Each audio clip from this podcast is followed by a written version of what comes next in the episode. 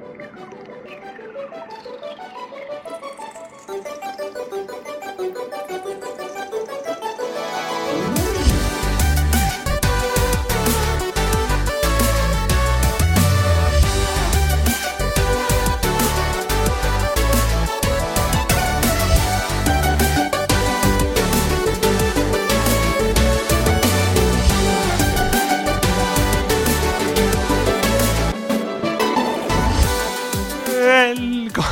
Velkommen til Sidequest. Det var det som jeg gjorde der. Det er et triks som jeg hørte første gang på eh, Tastepriv, med en av mine favorittradioprogrammer med Bård og Harald fra 2004, tror jeg. Der hadde de en hel sketsj om eh, bandet We, som bare var at de sa We forbi mikrofonen. Jeg synes det var veldig morsomt. Så som du hører, så sitter jeg ikke alene her i Sidequest og introduserer på en klønete måte. Jeg har med meg Bjørn Magnus Midthaug. Hei, hei. Hei. Jeg må også si jeg husker, for jeg har hørt det veldig mye på tastepriv. Jeg har hørt det en million ganger. Ja. Uh, ofte når jeg skulle sove. Jeg Ja. husker alltid våk Hvis jeg sovna tidlig, så våkna alltid den der sketsjen kom. Hver gang. For på slutten så er det kjempehøyt. Ja. I starten er det bare Men på slutten så er det sånn det blir høyere og høyere. Ja, for de som syns dette høres gøy ut, alt ligger på nrk.no. Radio.nrk.no, faktisk. Du kan til og med laste ned alt som en podkast. Ok, vi skal ikke snakke om Tastepriv fra 2004 her. Det er litt utdaterte humoren som har holdt seg sånn fire, terningkast fire, tror jeg. Det er noen Ja. ting som er litt uh, ikke greit lenger. Absolutt. Eh, og det er jo ikke så rart, det er 17 år siden. Uh, men eh, mye av det har holdt seg og er veldig gøy fortsatt. Hva er din favoritt fra Tastepriv? Åh, På stående fot? Jeg tror kanskje det er uh, uh, Semin Kjole. Eller Ja. i hvert fall den karakteren som alltid analyserer tekster på verst mulig måte. Det tror jeg kanskje er min favoritt. Uh, ja, absolutt min analyse, analyse av musikk. eh, mm, verk der, altså. Men vi skal ikke snakke om tastebriv, som sagt. Vi skal snakke om id Software. Et fantastisk eh, spillselskap i denne serien 40 store spillselskap. Der jeg har en liste med selskap og eh, sender til gjester og sier hvilket selskap vil du prate om? Og du var ganske rask med å ta tilbake at eh, dette var en no-brainer. Hvorfor var id Software en no-brainer for deg? Uh, fordi uh, id er liksom jeg, jeg føler at id har status som en sånn Som hva skal man si kultutgiver, på en måte. Mm. Men betydninga de har hatt for gaming, Mm. er liksom på størrelse med Sony og Nintendo. liksom Altså de, Mm. de revolusjonerte 90-tallet, på en måte. Mm. De revolusjonerte kulturen, de revolusjonerte spill. Altså man har, eh, Ikke for å begripe forrige gang, men altså det var de som starta med e-sport, mer eller mindre. Deathmatch, Mm. alt mulig sånt noe. Eh, share rare, som er umulig å si. Altså De fikk den der freeware distribution-greia. Uh, lansere ting på nett. Altså Det er bare så utrolig mye de Mm. gjorde, Ja, som det er bare er gøy. staple i dag. Og vi skal selvfølgelig snakke om alle disse tingene etter hvert som de oppstår i selskapets historie. Men vil du si at på en måte id Software er en del av din ID?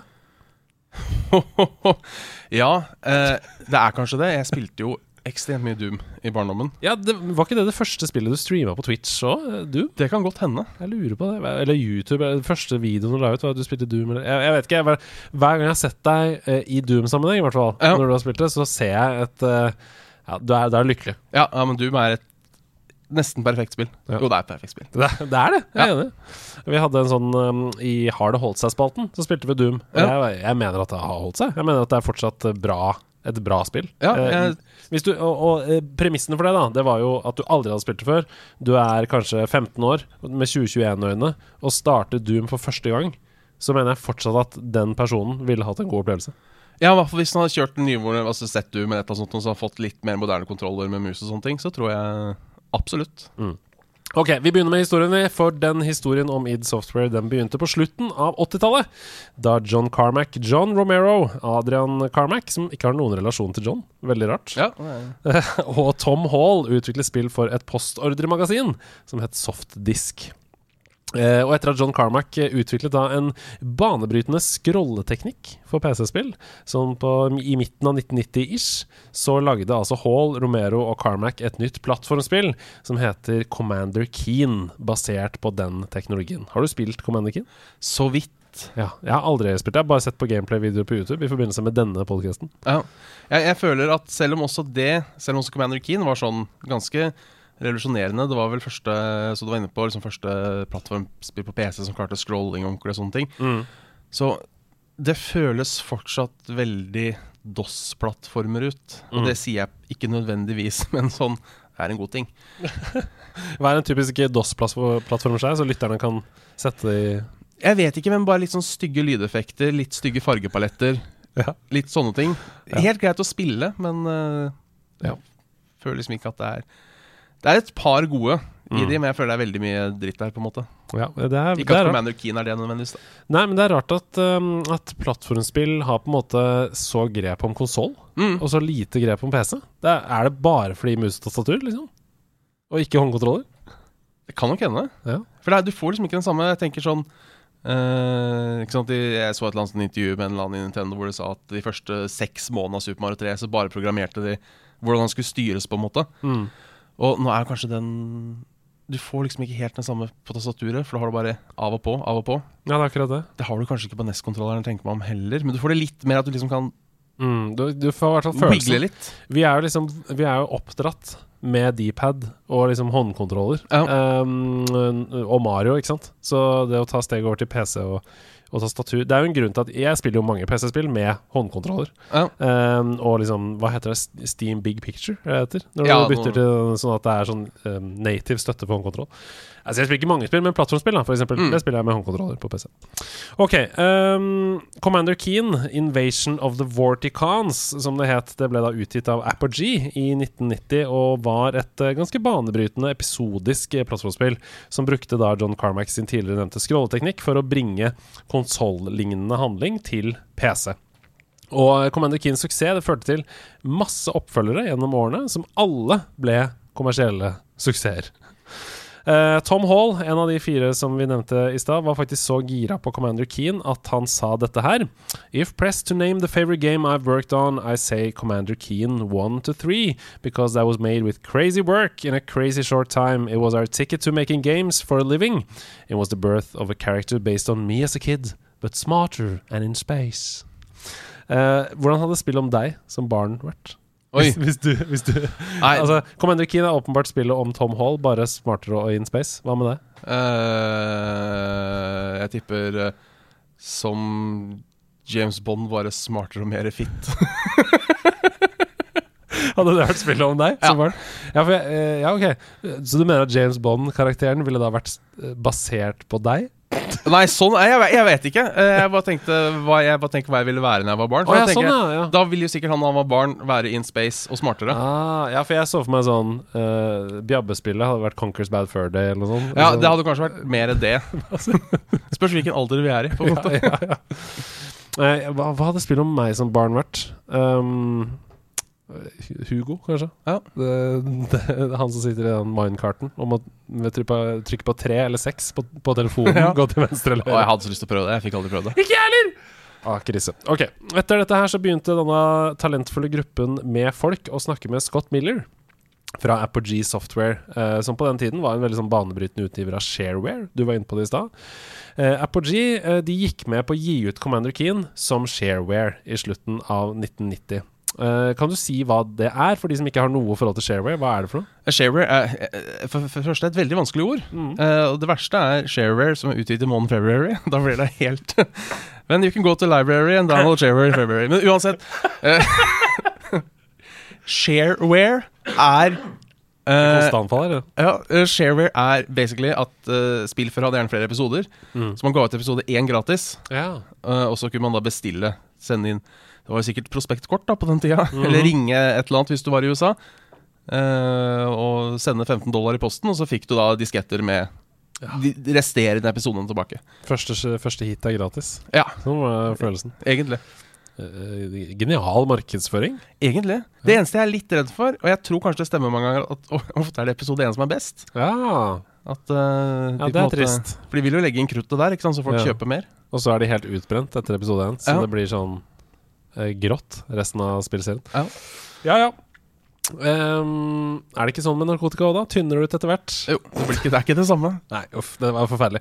Ok, vi går videre. Ehm, Commander Keen ble jo som nevnt en enorm suksess, og pengene som de fikk fra dette her, det inspirerte jo alle de fire nevnte til å si opp jobben i softdisk. Og det er ganske bold move eh, på den tiden her. Det er ikke det å jobbe i på en måte IT og, og spillindustrien, det er ikke noe alle har muligheten til. Så det at de sier opp alle fire, det betyr jo at de enten har veldig tro på egne skills, eller at de fikk veldig mye penger fra Commander Keen.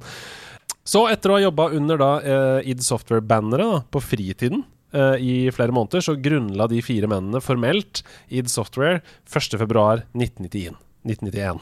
1991. Med andre ord så er id 30 år i år. Gratulerer. Gratulerer med dagen. 30 år, ass. Det er ikke alle selskap som blir det. Det er ganske få, faktisk. Ja. Uh, og i hvert fall spillselskap. De kommer jo og går rett som det er. Uh, hvor gammel er du, da? Jeg er 32. Ja, så Jeg er to år yngre. Rett og Eldre. slett. Eldre, To dessverre. år To år eldre eldre enn du. En, en id. Nei, en id. en id. Vi er litt uh, slitne i dag, det hører dere sikkert. Det er mye 1919 og Dune osv. Har du sett Dune? Nei. Nei, Jeg har ikke fått noe til det ennå, så Ikke heller. John Romero han sier selv om denne tiden her John Romero, som han heter, ikke Romero. uh, It was a magical time. We were doing amazing work defining a new game genre and having a great time doing it at breakneck speed. It's definitely a special moment in time that I'll never forget.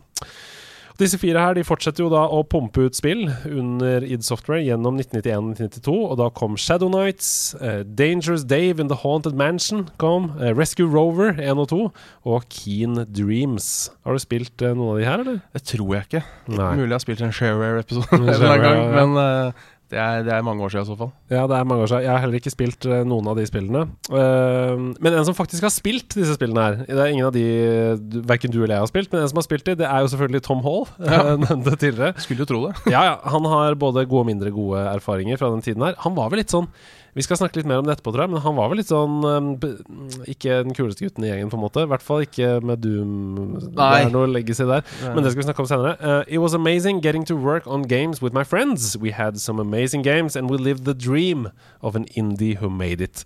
On the other hand, we uh, worked seven days a week, 12 to 14 hours a day, about 355 days a year. Uh, I would rush to work. I'd feel guilty eating breakfast. So it would kill me now. But we were young and among the few people actually making games. How cool was that? Rett etter denne perioden med ekstremt intens jobbing, eh, og inspirert da av faktisk Rescue Rover 1 og 2, i hvert fall, som vi snakket om eh, briefly i stad, så kom det som blir alle førstepersonsskyteres mor, Wolfenstein 3D. Uh, det, det blir helt sånn stille i rommet når jeg sier det. Eh, har du spilt uh, Wolfenstein 3D? Det, det har jeg. Ja, fortell. Hva, bare fra starten. Hva er Wolfenstein 3D? Nei, det er jo et FPS, da. eh, hvor du skal Ja, egentlig skyte nazister. Det er vel det det går ut på. Mm. Eh, gjennom 3D-labyrinter. Og på en måte finne nøkler og, og sånne ting. Og det er på en måte Ja, ja det er moren. Det er, Mm. det er moren.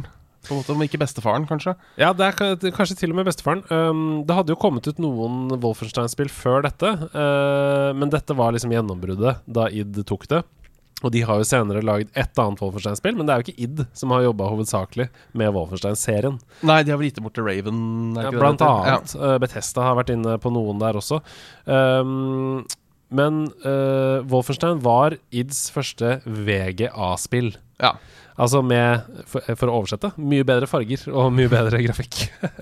Eh, og bruken av sykt skumle, har jeg skrevet, og realistiske soundblaster-effekter, som var helt banebrytende på den tiden. Husker du noe av dette? Ja, ja jeg, husker, jeg husker Og det er kanskje et av mine favorittvåpen i spill noensinne. Bare hvordan Bare pga. lyden og alt. Det er ma maskingeværet. Ikke chaingunnen, men maskingeværet. Den som på en måte er da på, på tast tre. Eh, Ja. Den der Det er ingenting slå Ingenting har eh, siden slått lyden på Mm. det maskingeværet. Den, Den er veldig tung. ja, det er så hardt og brutalt, men samtidig litt crisp. Det er uh...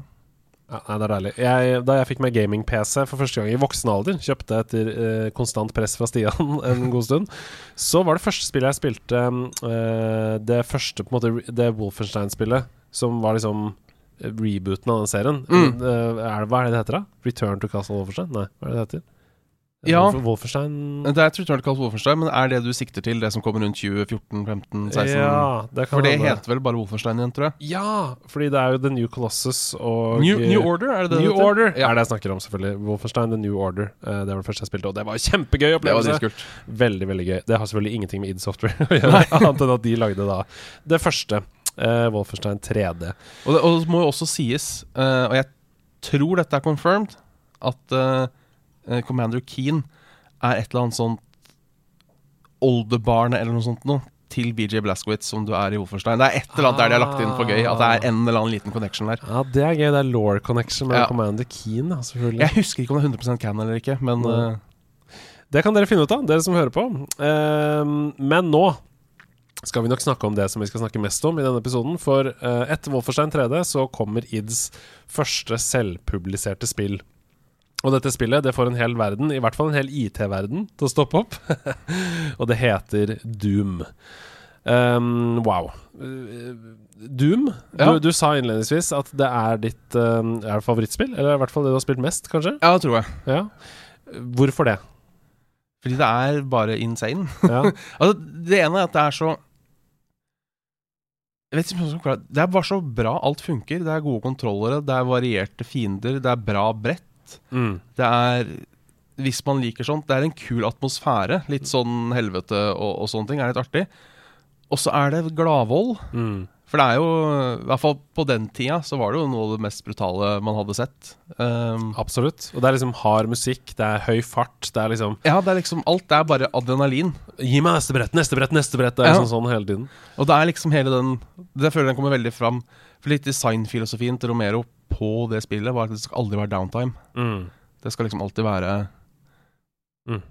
Det skal alltid skje noe, liksom. Ja, det skal alltid være action og, og sånne ting. Mm. Og det bare er helt fantastisk. Mm. Og, og, og første brett er på en måte en sånn kremeksempel, altså E1 M1, da, som det heter, Mm. er på en måte et kremeksempel på hvordan du skal lage level design visuelt. For det er liksom alle mekanikker blir på en måte investert én for én. Du har fiender på sida, så du lærer deg at du må se til sida.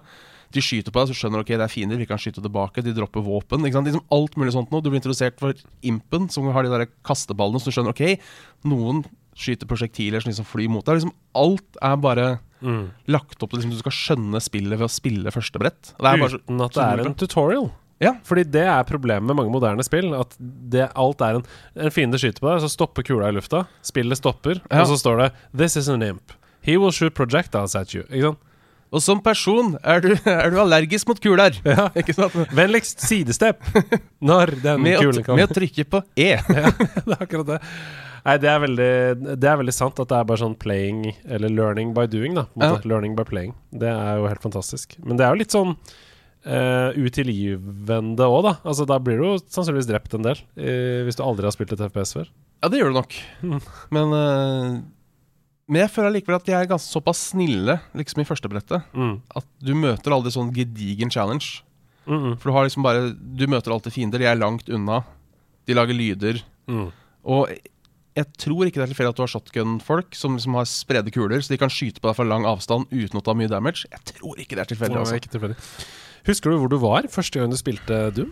Uh, ja, jeg var hjemme på min fars computer. Ja. Eh, og så hadde jeg en sånn derre Windows 95 demodisk som het Odyssey eller noe sånt noe. ja. Så, Den husker jeg òg, tror jeg. Ja, hvor du gikk rundt i sånn 3D-space, Ja. og så sto det sånn statuer eller plakater eller hva faen det var av spill. Mm. Så kunne du trykke på de, og så fikk du liksom spille demoen. Mm. Det var, det var mitt første møte med Doom. Det var på en måte Doom-demoen der. Så det var ikke noe hype i skolegården, liksom? Det var ikke sånn at du visste om spillet før det? Nei, jeg hadde ikke peiling, jeg. Wow. Så det var liksom bare møtte meg Møtte meg plutselig. Gjennom Windows Odyssey. Jeg Ja. husker det. det var, men det var som et sånt museum, eller det var sånn ja. ja, og det var noen som var bilder, og noen som var statuer. Jeg husker det. Um, jeg fulgte med. Jeg syns det var helt sjukt, da. Jeg husker at jeg synes det var helt sjukt Bare Ja. Windows Odyssey. Ja. At det gikk an. Ja, jeg har brukt mange timer i det òg. Det var mange magasiner og sånn som begynte å ha, ha med sånne enkle spilldemoer for å liksom vise fram innholdet sitt som et spill. mm. Um, jeg husker KK, for eksempel, som som mamma abonnerte på. Hadde liksom sånn Her kan du lese artiklene Uh, i, et, i et digitalt rom. Så, sånn du kunne gå inn. Og jeg digga det jo, for det var et spill. Ja. Og jeg var, hadde, var sultefòra på spill. Så jeg var inne i KK-spill. og det var jo ikke noe annet enn innholdet fra bladet, bare vist fram digitalt. Du kunne gå rundt Ja, kunne gå og se på kvinner og klær. Jo Ja, ja. Ok, nok om det, og tilbake til Doom. Um, John Romeros favorittprosjekt, det var jo Doom. Han sier selv Tom Hall did the initial game design, then I revised and simplified it. Um, der var det noen kontroverser, var det ikke det? Jo. Kan du fortelle litt om det? Hvis jeg husker riktig, så tror jeg som Romero ville ha det så enkelt som mulig. Han ville alt skal liksom trim the fat. Mm. Så liksom alt er én opplevelse. Mm. Mens jeg tror Tom Hall hadde litt mer sånn øh, Husker jeg ikke helt, men kanskje han hadde litt lyst mer sånn litt rollespill, kanskje Mm. litt den typen. Mm. Eh, og liksom legge til flere features og sånne ting. Mm. Mens, eh, og så hadde du jo, for det var på en måte en sånn derre Og så hadde du hele tida Carmack i bakgrunnen, ikke sant? som alltid ville lage motoren best mulig. At det skulle bare kjøre nice, Ja, liksom? Mm. Og, og det gira opp Romero liksom til å trimme enda mer, bare for å få det til å kjøre best mulig. Mm. Så jeg tror det var det der. Så jeg, jeg har på følelsen når jeg leser litt om det, at Tom Hall ble litt sånn Mm. tilsidesatt, kanskje. Mm. Så han følte Visjonen min ivaretas ikke her. Eh, Ja. Det var sånn ehm, Han hadde jo sikkert vært en hjerne på mange andre prosjekter, Ja. og så plutselig så hadde de som bare hadde på en måte vært mekanikerne, da, blitt flinke nok til også å designe bilen, på en Mm. måte. Hmm. Ja, det er interessant. Har du noe mm, eh, favorittvåpen fra det aller første Doom-spillet? Jeg tror det er shotgunen, bare fordi den er så anvendelig. Mm. Ja. Det er, en, det er en god shotgun. Det er få spill som har liksom klart å lage shotgunen så fin i ettertid òg. Ja, den er veldig nice. Um, den perioden her med spill, så kommer det så mye kult. Ass. Jeg, Duke Nukem 3D og sånn òg syns jeg var helt uh, fantastisk. Eh, der hadde, det, du husker den? Jeg tror det var shotgun der som hadde sånn tre barrels. Så Ja. det, ja, den følelsen her av å skyte med den, det husker jeg godt. Um, men jo, noe av det som også er fint med Doom, det er jo at uh, du sier jo det er veldig simplified. Det er lett å plukke opp og lett å lære seg, og veldig sånn strømlinjeforma du skal bare gønne på. Mm. Men etter hvert som du har Hvis du har spilt det gjennom en gang da, og spiller det en gang til, og går litt sånn dypere, så finner du jo masse hemmeligheter. Ja. Det er jo fullt av hemmeligheter, det spillet. Er det ikke det er, Eller er det jeg som surrer her nå? Nei, det er masse secrets. Ja, fordi, fordi det mener jeg at hver gang jeg har spilt eh, Jeg har jo Jeg spilte Doom da jeg var liten.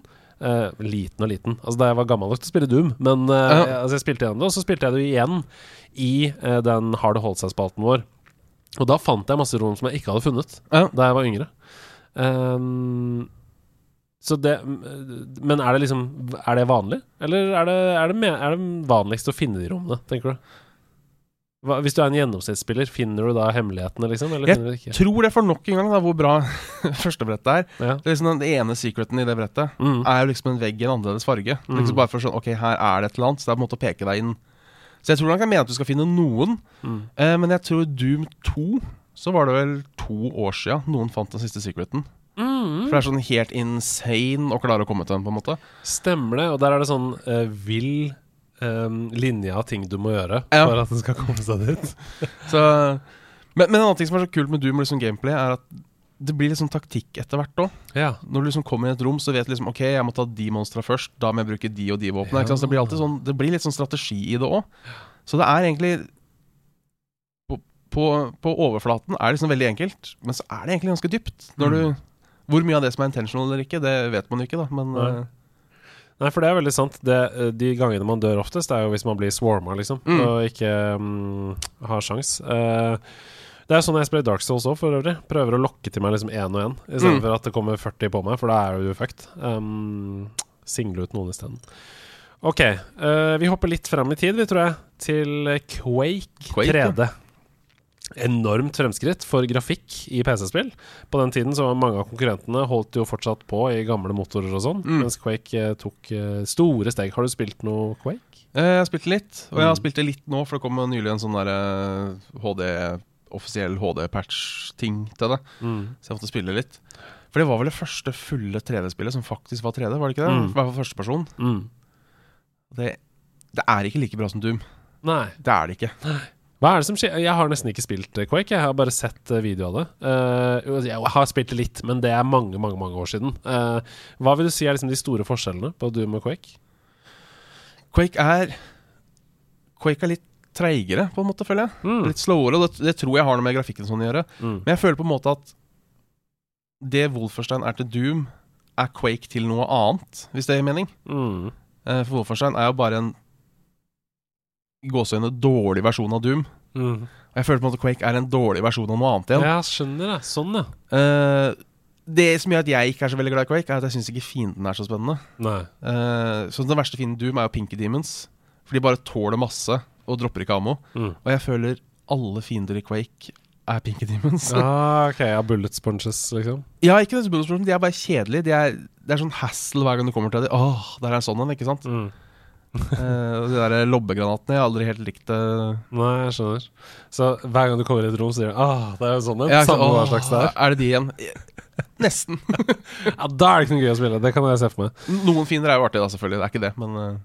Men um, Quake utvikla seg jo veldig. Uh, I hvert fall sier historiebøkene det. Um, vi har John Carmack her som sier hvorfor Quake 3 var så bra. Eh, han sier Every project had its moments and value, but Quake 3 was my personal favorite. It had bold decisions with the multiplayer focus and 3D accelerator requirement. The technical design was good, and I had more fun personally playing it than any of the other games before or since. Interessant. ja. Eh, Quake 3 Arena. Der uh, forsvant jeg. Ja, for det er vel Deathmatch, som du snakka om i stad. At det var den første introduksjonen til liksom sånn Er det ikke det, da? Nei, de hadde det i Doom òg. Ja, det var det! Ok, okay Det var Doom det starta, på en måte. ja, for jeg, det jeg har kunnet lese meg fram til, var liksom sånn uh, Multiplayer online starta med Quake, eller sånn. Ja, det kan godt Altså- hende at online starta med Quake, Ja. uh, men Doom var i hvert fall sånn over eh, ja, LAN. LAN, var, men det har et sånt eget navn som ikke brukes lenger. Men eh, TCP-IP, et eller annet sånt noe. Ja, selvfølgelig. Ja. Ja. Det, ja. Eh, at man kunne. TCP-IP. Det var, det var sånn blast from the et eller annet. eh, og jeg vil bare nevne en annen fun fact om Doom, bare før vi legger det bak oss. Ja. At visstnok um, i 92 eller 93 så var det flere PC-er i USA som hadde Doom, enn som hadde Windows. Det er helt sjukt. Ja. Jeg trodde du skulle si Internet Explorer eller noe sånt. Nei, Men det var selve operativsystemet. Ja. Det er jo helt crazy. At, um, wow. Det, altså det, det eneste jeg har hørt, er det at um, det måtte bannes på flere store Uh, uh, Hos flere store IT-selskaper, som Microsoft Ja. for eksempel Fordi alle de ansatte satt bare og spilte Doom i, i arbeidstiden. det er så sjukt. Det er også en annen ting vi kan takke Doom for. Jeg bare, kom, Ja, bare for ja. å ta det Det er DirectX. Ja! For det var jo Bill Gates ville jo ha Doom på Windows, mm. men John Carmack, som er den han er, sa nei, jeg orker ikke å drive med alt det der eh, driverkonfigurasjon Jeg, jeg veit ikke. Akkurat der har Mm. ikke jeg peiling. Nei. Uh, så ok, vi må finne på et eller annet. Og det var da de lagde DirectX. Mm. Som visstnok skal være for å få kode til å kjøre med forskjellige drivere. Ja. Det er litt for teknisk for stakkars lille Bjørn. Ja, Eh, men, men jeg tror alle som har spilt PC på 90-tallet og 2000-tallet, har i hvert fall sett den DirectX-logoen. Ja. For det er på alle spill. Ja, det brukes vel ennå, tror jeg. Ja, ja, ja. Tenk på det. Tenk å lage noe så solid Mm. bare pga. Doom. Ja, det er fantastisk. Uh, I 2005 så kom Doom RPG ut av ingenting. Uh, det er et mobilspill i Doom-serien som John Carmack lagde sammen med kona Catherine Anna Kang. Uh, hun jobbet den gang for Fountainhead Entertainment. Eh, Carmack og Kang de fulgte opp eh, Doom RPG med Orcs and Elves, Wolfenstein RPG, Doom 2 RPG og Doom Resurrection. Alle var da mobilspill. Dessverre så har alle disse utgivelsene fra Carmack og Kang eh, på IOS De har ikke blitt med over i 64-bit-æraen. Og Derfor så kan ikke de spilles på dagens iPhones. De er rett og slett begravet. De finnes ikke i AppStore. Har du spilt noen av de mobilspillene? Jeg Tror ikke det. Nei? Jeg tror jeg spilte et eller annet på gamle Sony Eriksson. Jeg lurer på om ikke det var offisielt. Ja. Som kjørte på det der håndgamle operativsystemet jeg ikke husker hva det heter. Den oransje og sølv, sånn Erikssonen? Eller eh, Ja, jeg hadde sånn aldri den, men, men lignende. Det var med sånn stikke. Eh, hvor det var et eller annet sånn Doom-RPG-greier. Ja. ja, nei, fordi eh, jeg måtte jo researche litt og se litt på YouTube og sånn, og det er jo da eh, onscreen-kontrollere eh, på iPhone, for eksempel. Og så går du eh, ett og ett skritt. Så når du går ett skritt fram, så går f.eks. en sånn imp ett skritt til høyre. Mm. Eh, og så står spillet der, så kan du tenke deg hva skal jeg gjøre nå. Ikke sant? Og så er det sånn, der brenner det. Ok, jeg må gå rundt det. Jeg har noe uh, fire extinguisher som jeg kan bruke. Eller, ja. Så det, det ser jo helt streit ut, men Ja. ikke noe mer enn det. Um, samtidig så var det jo kjempesuksesser. da De lagde jo masse av disse spillene, så det var tydelig at folk digga det. Men eh, verden er et annet sted nå Ja. enn det var i 2005. Det siste John Carmack gjorde for id, det var open world-skytespillet fra 2011, Rage. Har du spilt Rage? Det har jeg. Ja, hva syns du? Jeg syns det var ganske bra. Ja, så gøy. Fortell, hvorfor syns du det var bra? For jeg, jeg spilte det i to timer, og så slutta jeg å spille. Jeg skal si hvorfor senere, men hvorfor syns Ja. du det var bra? Nei, det jeg synes var bra For første fordi jeg var id-fan, så jeg ville at det skulle være bra. Det hjalp nok litt. Ja, ja, ja. Eh, det hjelper jo selvfølgelig. Nei, men nok, jeg bare synes, for det var Hvis jeg husker riktig, så var det fire eller fem sånne store brett, på en måte. Mm. For det var, det, var jo ikke open world. Nei da, men det var Eh, minimap nede i hjørnet, og det prøvde, prøvde å være GTA. Det prøvde å være, prøvde å være open world. Ehm, Og det var liksom Det var bare liksom sammensetning av fiender og våpner og sånt som jeg bare syns funka. Jeg har ikke spilt det siden da, så jeg husker liksom ikke så mye av det. Annet enn at det hadde en forferdelig launch. Ja, For det var et eller annet med det derre nye teksturene deres eller noe sånt noe som, ja, som blæsta seg helt, ja. Ja. Nei, det eneste Jeg husker at de fiendene med skjold var helt sjukt irriterende. De holdt eh, De tok sykt mye skudd. Eh, men eh, det som jeg syns var at det var helt greit, men ganske kjedelig. Altså, det var sånn humørløst, hvis du skjønner hva jeg mener. Jeg syns det var så bland, i mangel av bedre norske ord. Altså eh, Jeg er en fyr som kjører rundt i en bil og skyter folk. Altså, det, det føltes ikke som at det var noe viktig, det jeg drev med. Eller sånn.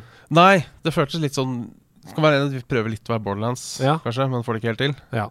Det skulle, altså, um, Rage skulle jo bane veien for id da inn i den nye konsollgenerasjonen. Uh, og til tross for da banebrytende grafikk, for det så kjempebra ut Ja. på både Xbox 360 og PS3, så fikk spillet ganske blanda uh, anmeldelser. Rage 2 det kom i 2019, og det er i høyeste grad et seks av ti-spill. Maks. Ja, hvis vi skal strekke oss så langt. Så det trenger vi ikke snakke om. Det spilte jeg i to timer, og jeg tror ikke jeg spilte i to timer engang. Hva? Nei, men ja, nei, det var uinspirert. Ja. Maks uinspirert. Er bare, jeg vil føle spillet er litt sånn eh, Hvis du har skal jeg ikke nevne, ikke nevne navn, men hvis du drar på en av de større kafékjedene, Ja. og så kjøper du et kakestykke, og så tar du en bit, og så Det er ikke vondt, men det bare er ikke noe. Nei, det er akkurat Det det. føler jeg var Rage 2. Nå sitter jeg her og bruker opp tid. Ja. Det er det jeg gjør på denne kafeen. Og det er hyggelig, det. Ja. For, men det gir meg ingenting. Nei. Nei, jeg er helt enig. Det var Rage 2. Det eneste som var inspirert, var coveret. Det synes jeg var ganske kult. Ja, det var med de fargene og Mm. mulig sånt noe. Ja. Uh, det var ganske kult Og jeg, jeg kan se for meg at det er mange som har kjøpt det fra tilbudsbøtta på Space World. Ja. Etter at de uh, Kanskje ikke 2019, da var ikke Space World, men Nei, finnes Space World? Nei, ikke nå lenger. Nei. Nei, de, gjør ikke det. Um, de gikk, uh, gikk av markedet sammen med den fantastiske eh, sangen som jeg nå skal bruke litt tid på å finne på YouTube. Um, fordi dette var det siste som ble produsert i Space World-universet. Um, sangen om mobiltilbudene de, de hadde. Um, det, det, det kunne vært um, populærmusikk i 2021. Ville du ha en MP3? Kan vi ordne deg det? Leverer som er bra, og det er alltid noe for alle her på Space World. Jeg husker nå den Space World nå, hus- Den hadde jeg glemt. Space World, en av de beste på mobil. Nei, dere var ikke det.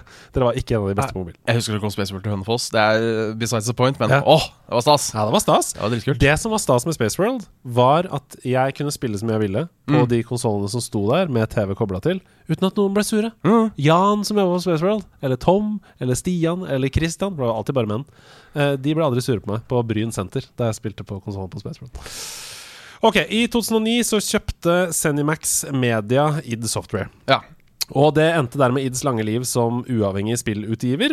Eh, etter å ha blitt forelska i ny VR-teknologi, så forlater John Carmack eh, id Software for Oculus i slutten av 2013. Han jobber der fortsatt, med Ja. Oculus. Eh, og han ble dermed den siste av de opprinnelige grunnleggerne som forlot selskapet.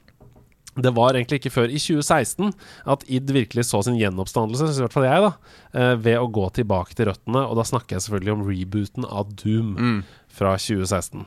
Fortell om det. For det er noe helt annet enn det første Doom-spillet. Ja. Men samtidig så er det mye av liksom Det har den essensen. Ja. Ja. det har den essensen at her skal bare være fort og gøy, men det skal Mm. være 2016 fort og gøy. Mm. Eh, og, og bare hele den derre Vet du hva, nå, bare, nå dropper vi story og alt. Det er ikke det det spillet handler om. Nei, nå skal du Nå skal du blir vel sløye, da. Mm. Nå skal du sløye demoner. Ja. Og, og det er det du skal gjøre. Hvorfor gjør jeg det? Det skal du gi faen i.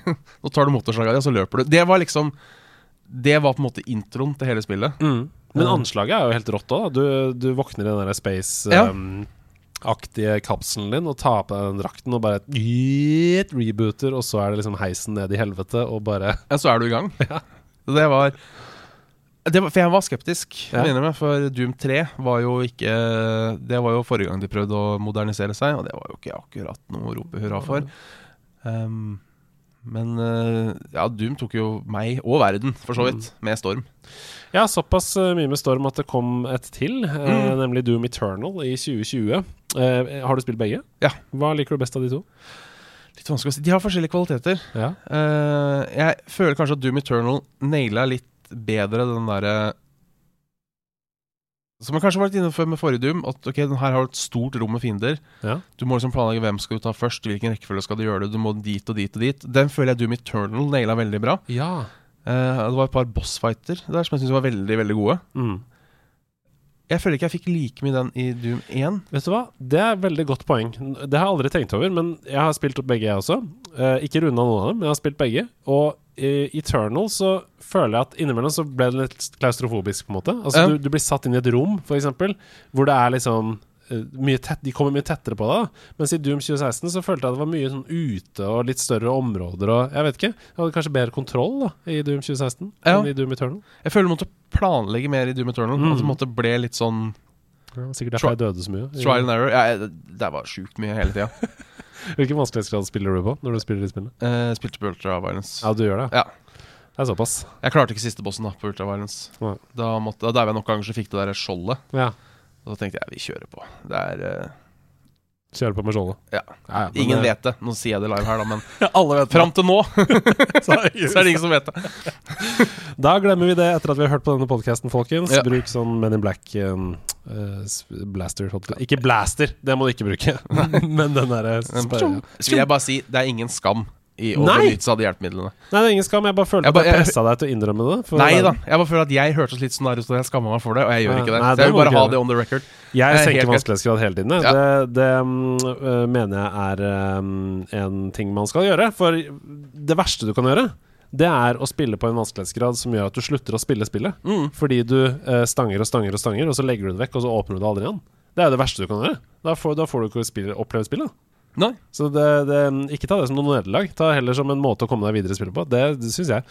Ok. Um, Microsoft de kjøpte jo tidligere i år opp Zenimax Media, Mm. som inkluderer id Software, og det tror jeg personlig lover veldig godt for veien videre.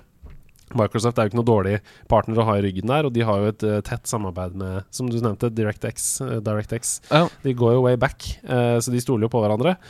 Og det fineste med det er at vi kan kose oss med masse id-spill på GamePass. Ja. Uh, Nå kom jo alt ut. Ja, det var- vel derfor blant annet den HD-patchen kom, tror jeg. Ja. Vet ikke om det var pga. Gamepass, da, men jeg så den komme ut der òg. Mm. Det begynner å bli en ganske sjuk tjeneste, ass. Ja, det gjør det. GamePass. Uh, nesten umulig å konkurrere med, uh, tror jeg.